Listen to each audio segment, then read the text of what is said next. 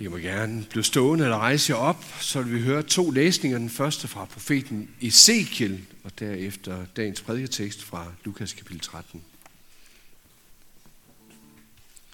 Herrens ord kom til mig. Hvad er det for et ordsprog, I bruger om Israels land? Fædrene spiser sure druer, og sønnerne får stumpe tænder. Så sandt jeg lever, siger Gud Herren, I skal ikke mere bruge dette ordsprog i Israel. Alle menneskers liv tilhører mig. På den tid kom nogen, og fortalte Jesus om de galilæer, hvis blod Pilatus havde blandet med blod fra deres offerdyr. Og han sagde til dem, mener I, at de var større sønder end alle andre galilæer, siden de gik dem sådan? Nej, siger jeg. Men hvis I ikke omvender jer, skal I alle omkomme ligesom de. Eller de 18, som tårnet i Silo er styrtet ned over dræbte, mener I, at de var mere skyldige end alle andre i Jerusalem? Nej, siger jeg. Men hvis I ikke omvender jer, skal I alle omkomme, ligesom de. Så fortalte han denne lignelse. En mand havde et fintræ, som var plantet i hans vingård. Han kom og ledte efter frugter på det, men fandt ingen. Han sagde da til gartneren, i tre år er jeg nu kommet og har let efter frugt på dette fine træ, uden at finde nogen. Hug det om. Hvorfor skal der stå? Hvorfor skal de stå og tage plads op til ingen nytte? Men han svarede, Herre, lad det stå et år til, så skal jeg få gravet omkring det og givet det gødning. Måske bærer det så frugt næste år. Hvis ikke, kan du hugge det om. Amen.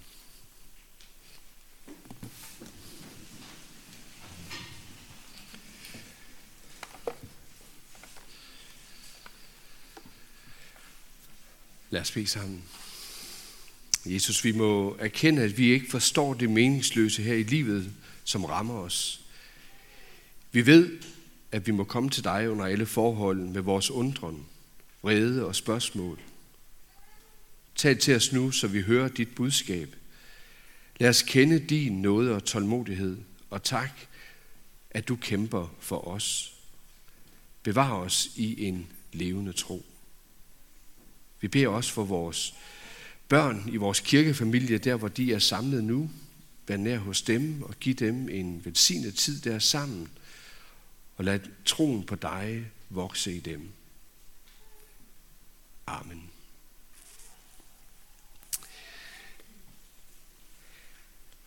Jeg får indimellem spørgsmålet, hvordan kan du tro på en kærlig Gud, når der findes så meget ondt og meningsløs her i tilværelsen? Listen den er lang, og jeg kunne have nævnt et hav af tilfælde. Egentlig kunne jeg bare måske begynde med noget af det første, der ramte mig med mit kendskab til Aarhus Bykirke, var en drukneulykke i Norge, hvor unge også med relation her til menigheden mistede livet. På en måde, så kan jeg godt forstå spørgsmålet. Men ofte så møder det også stillet ud fra en præmis, som jeg ikke helt kan følge. Eller det kan handle om et billede af Gud, der ligger bag spørgsmålet, som jeg ikke helt mener holder. Så derfor så er mit øh, enkle svar nogle gange til tider, har jeg andet valg. I mandags på DR2, der var der en øh, udsendelse, der hed Indefra med Anders Akker. Han har tidligere på året fulgt en gruppe unge fra Års IMU, Indomissions Unge i øh, Vesthimmerland. Og på et tidspunkt, der hvor det her billede er, er taget, der, øh, så spørger han dem om, om der er en mening med alt. Om det er Gud, som har den. Den ene af de her to svarer, måske kan vi tænke det, uden det er meningen. Nok mere en erkendelse af, at der er ting, vi ikke har magt over, ikke kan se en mening i. De kommer med flere sætninger, men jeg synes på mange måder i enkle sætninger, der forsøger de at formulere, om det vanskelige det er at balancere imellem, at Gud han har al magt. Og så lader han sin kærlighed råde i møde med os. Og derfor, som de også får det sagt, våger de at lægge deres liv over i hans hænder, bede om stort som småt, fordi de er overbevist om, at han er med i det. Samtidig så vedgår de også, at der er ting, som de ikke kan se meningen i, men det får dem ikke til at slippe troen på, at Gud vil dem det godt. Fra den samtale på Festival, som det her det er, og indtil at Anders Akker skal formulere afrunding på udsendelsen, der tror jeg, at der er øh, flere ting, der spiller videre ind i hans hoved. Øh, måske nogle af jer så udsendelsen. Jeg ved ikke, om I kan huske præcis, hvad han afrundede udsendelsen med. Men det var sådan her, har jeg lige så stille og roligt siddet og skrevet ned. Det hele bliver holdt sammen af en Gud, der fordeler goderne, og som desværre også giver sin ration af modgang. Så er det måske også en hilsen til den rationelle verden, at i sidste ende, så er det et spørgsmål om, ja, om tro og om at give sig hen og om, at ingen indtil videre har ret. Og der lader han den stå. Hvordan kan man tro på en kærlig Gud, når der sker så meget ondt og meningsløst her i tilværelsen? Man kan måske også vente det lidt om. Hvis en kærlig Gud ikke findes, og livet der er opstået ved en tilfældighed i et stort brag, og udviklet sig derfra, hvor den stærkeste overlever, sådan som en evolutionslærer ligger til grund for det med det Big Bang i det begyndelsen, ja, så er der vel ikke noget at sige til, at der er så meget ondt og meningsløs her i tilværelsen. Det er nærmest en naturlov i det, og hvor vi er overladt til os selv. Jeg har nær sagt, så er det normal tilstand i en tilværelse uden Gud.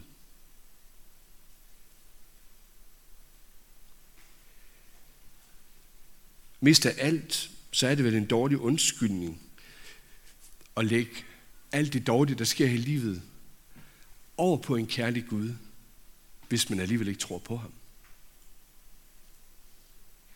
En verden skabt af Gud, den forudsætter det, jeg vil kalde et, et absolut system af, at der er noget, der er godt og ondt, at der er noget, der er retfærdigt og uretfærdigt. Men det er samtidig også ind i en verden, som vi må vedkende den, og som en falden verden. En, hvor syndefaldet har sat sine konsekvenser, og dagligt kommer til at sætte sit præg også ind i vores liv. Så nok er det en normal tilstand for os her i livet. Men det er ikke den normal tilstand, der er givet os som Guds børn. Og jeg tror, hvis man ikke lever i den virkelighed og har den så at sige, tilgang til tilværelsen ind over sig, ja, så bliver der ikke langt fra en anden tankegang, hvor man synes, at man står kun med det meningsløse, at så bliver der ikke ret langt hen til, at så bærer man også selv ansvaret for det. Det er jo næsten lidt sådan, det kunne lyde men den tekst, ugen læste op fra det gamle testamente. Fædrene spiser sure druer, og selvfølgelig så må børnene jo også få dårlige tænder. Altså, hvordan hænger det lige sammen? Det går vel i arv, hvis nogen har gjort noget dårligt. Eller som vi kan sige det, som man sår, høster man. Man ligger vel, som man har ret. Højt at flyve, dybt at falde, bottom line. Du er selv ud om det. Vores tids mantra med, at man er sin egen skæbnes smed, er blevet en så selvfølgelig sandhed for de fleste, at ens ulykke falder ofte tilbage på en selv. Vi er kommet 25 år længere frem, hvor vi ikke bare synger med TV2, at det er samfundets skyld, men nu bærer vi den selv. Og skyld og skæbne, det klæber sig for mange til hinanden. Ikke bare i dag. Det gjorde det også på Jesu tid, så man kan høre det. Det er en meget almen antagelse, og derfor bliver Jesus også, ikke bare her, men også andre steder, mødt med de her spørgsmål. Hvad har han, hvad har hun, hvad har de her gjort, siden at det her, det skulle gå sådan, for dem? Hvad har de gjort forkert? Hvad har de syndet med, siden de er havnet i den her tragiske situation? Hvorfor ramte ulykken? Hvorfor ramte sygdommen? Hvorfor kom døden?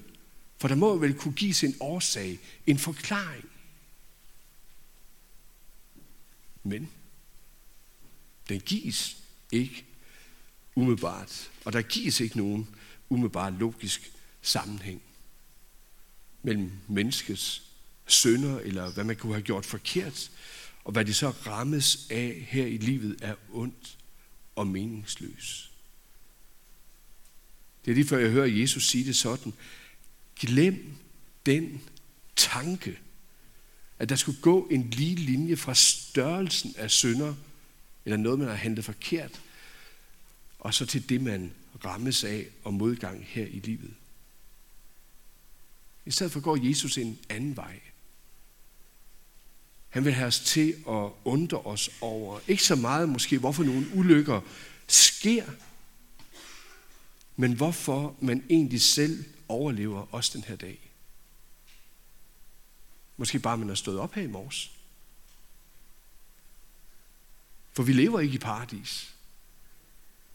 Vi lever i syndefaldets verden. Vi er i en tilværelse, som står i så en kontrast, dyb afstand til den virkelighed, som vi egentlig er skabt til at leve i. Selvom vi oplever lidelse, ulykker, sygdom, død på mange forskellige måder som en konstant realitet her i livet, så er det noget unaturligt for os, som skabte af Gud. Derfor er der faktisk også noget befriende i, at vi ikke forliger os med det. Vi lider under det. Vi kæmper og græder. Vi oplever smerte og vrede. Og vi finder meget af det meningsløst, og vi oplever ikke så sjældent os magtesløs over for det.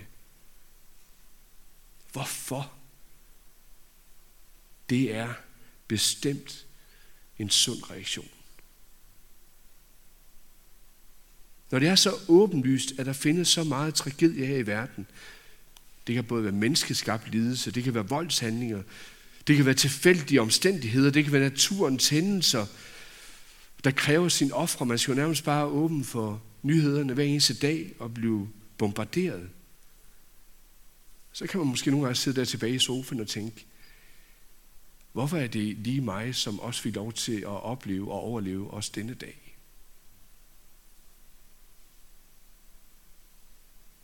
Netop her i, der viser Gud sin nåde og barmhjertighed. Samtidig med, at Guds almagt og suverænitet også bliver slået fast. Sådan som vi lige sang det for lidt siden. Alt er skabt af ham. Skaber værkets herre. Historiens herre. Han skaber ikke det onde. Men hvorfor tillader han det? Når han er almægtig, hvorfor sker det så?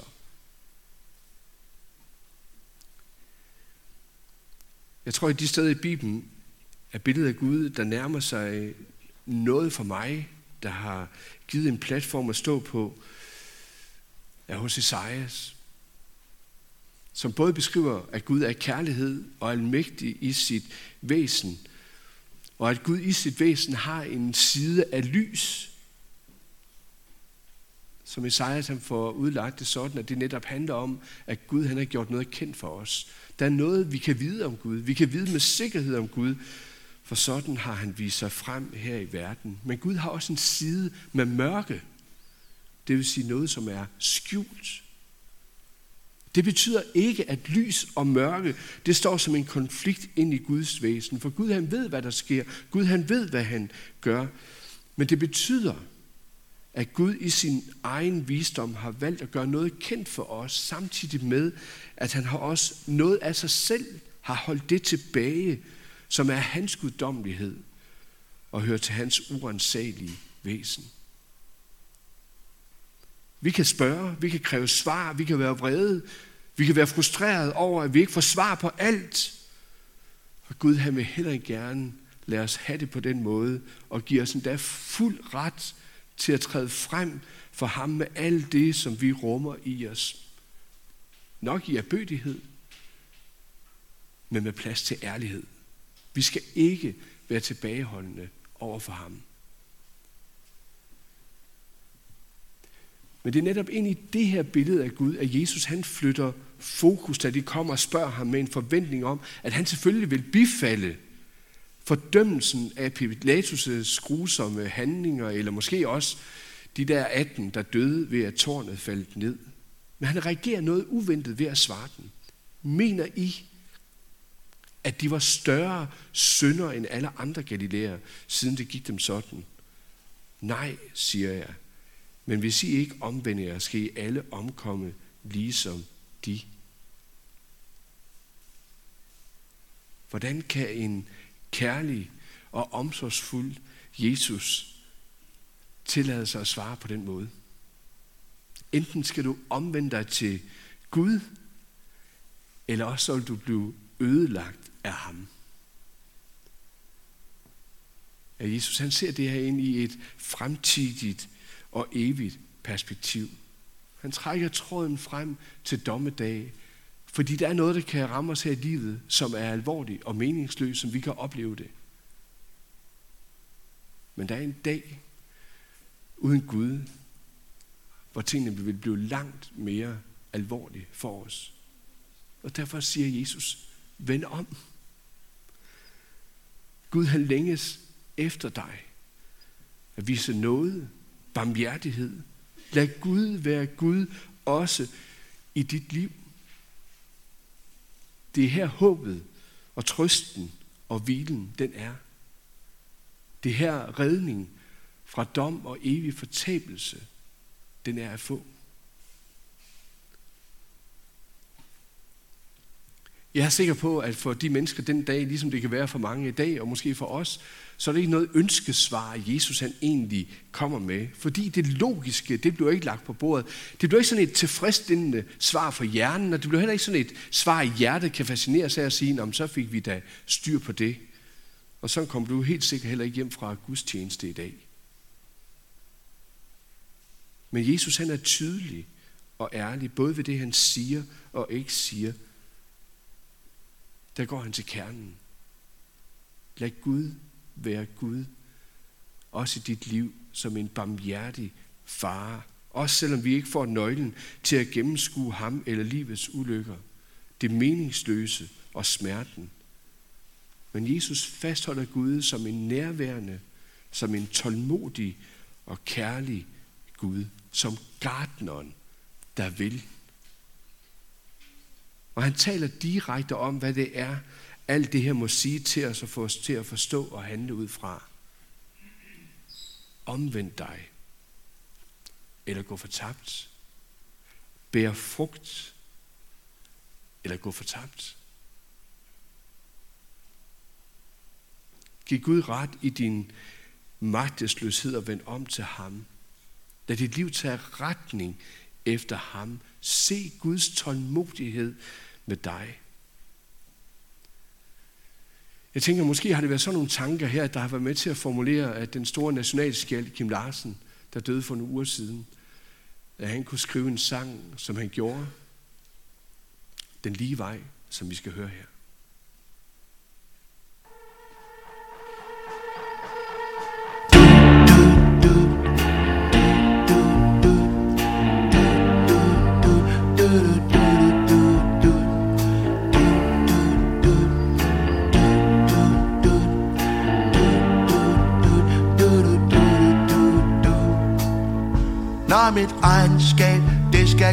Os op Så tror jeg nok, hvor herre får en prop.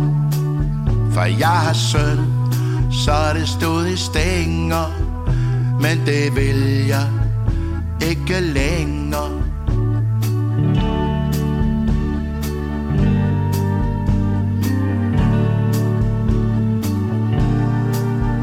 Jeg er ikke en af de flinke Det tør jeg sige. Uden at blinke. Der er sikkert flere Minuser end plusser. Plus det løse Som ingen husker. Så vis mig noget om miskundhed Der var momenter af kærlighed. Og øjeblikke Hvor min mismod Ikke tyngede mig ned. Og jeg gik den lige vej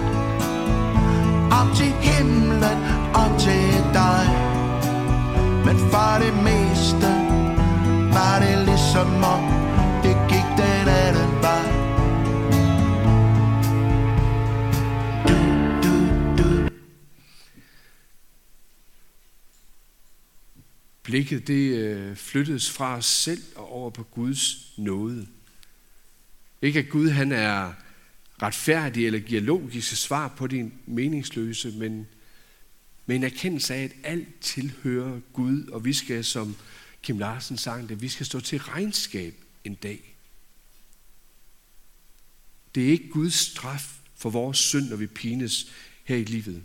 Måske så kan syndens konsekvenser nok sætte sig spor, men Gud han vil vække os og ønsker at få os i tale, når vi standser sig op her i livet. Gud han valgte at pine sig selv i stedet for os.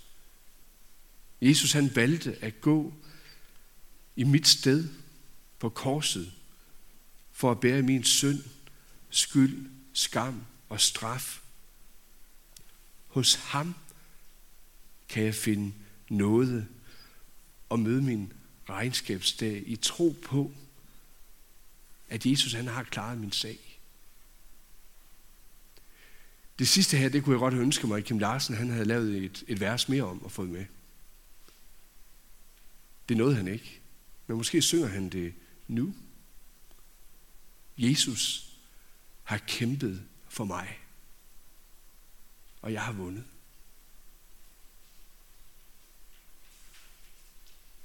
Jesus skal vi have blikket rettet imod i det her. For tro på ham kan give os et lyspunkt midt ind i alt det meningsløse her i verden. For min egen del er det også en af grundene til, at jeg tror på Jesus. Jeg tror på, at han har planer for mig om noget bedre, end at leve i den her meningsløse verden. Jeg tror på, at han har skabt mig til noget bedre.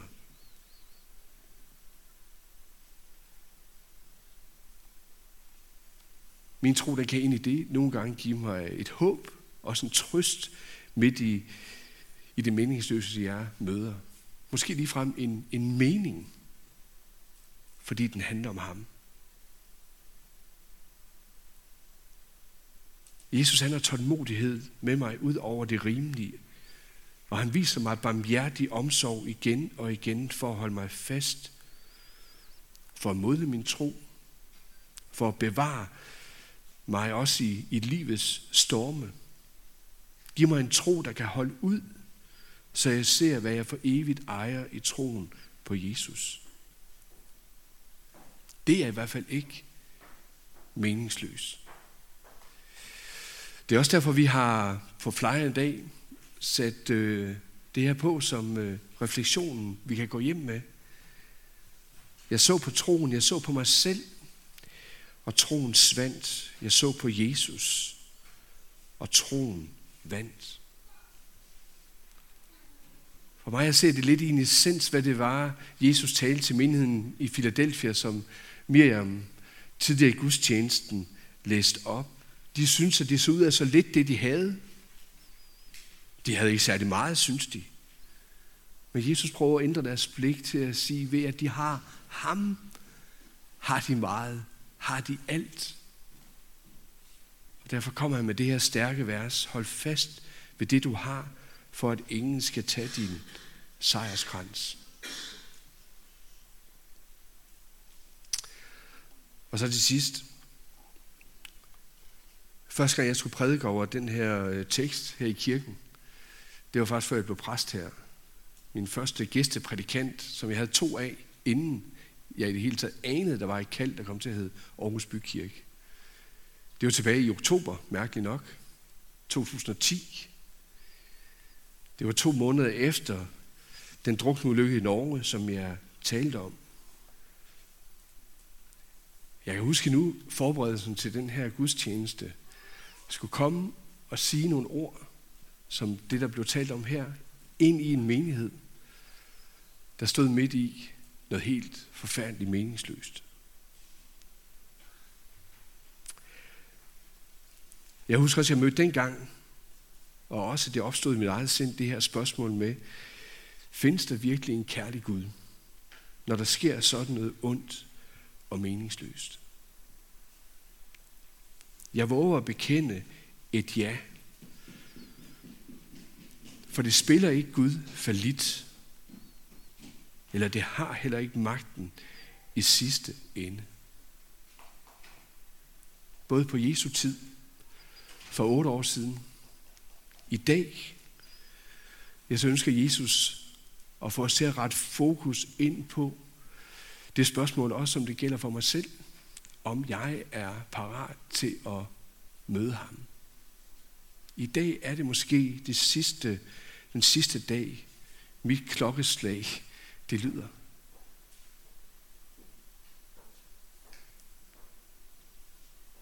For det handler om en evighed hos ham. Om at være sammen med ham i paradis på den nye jord, hvor alt er godt.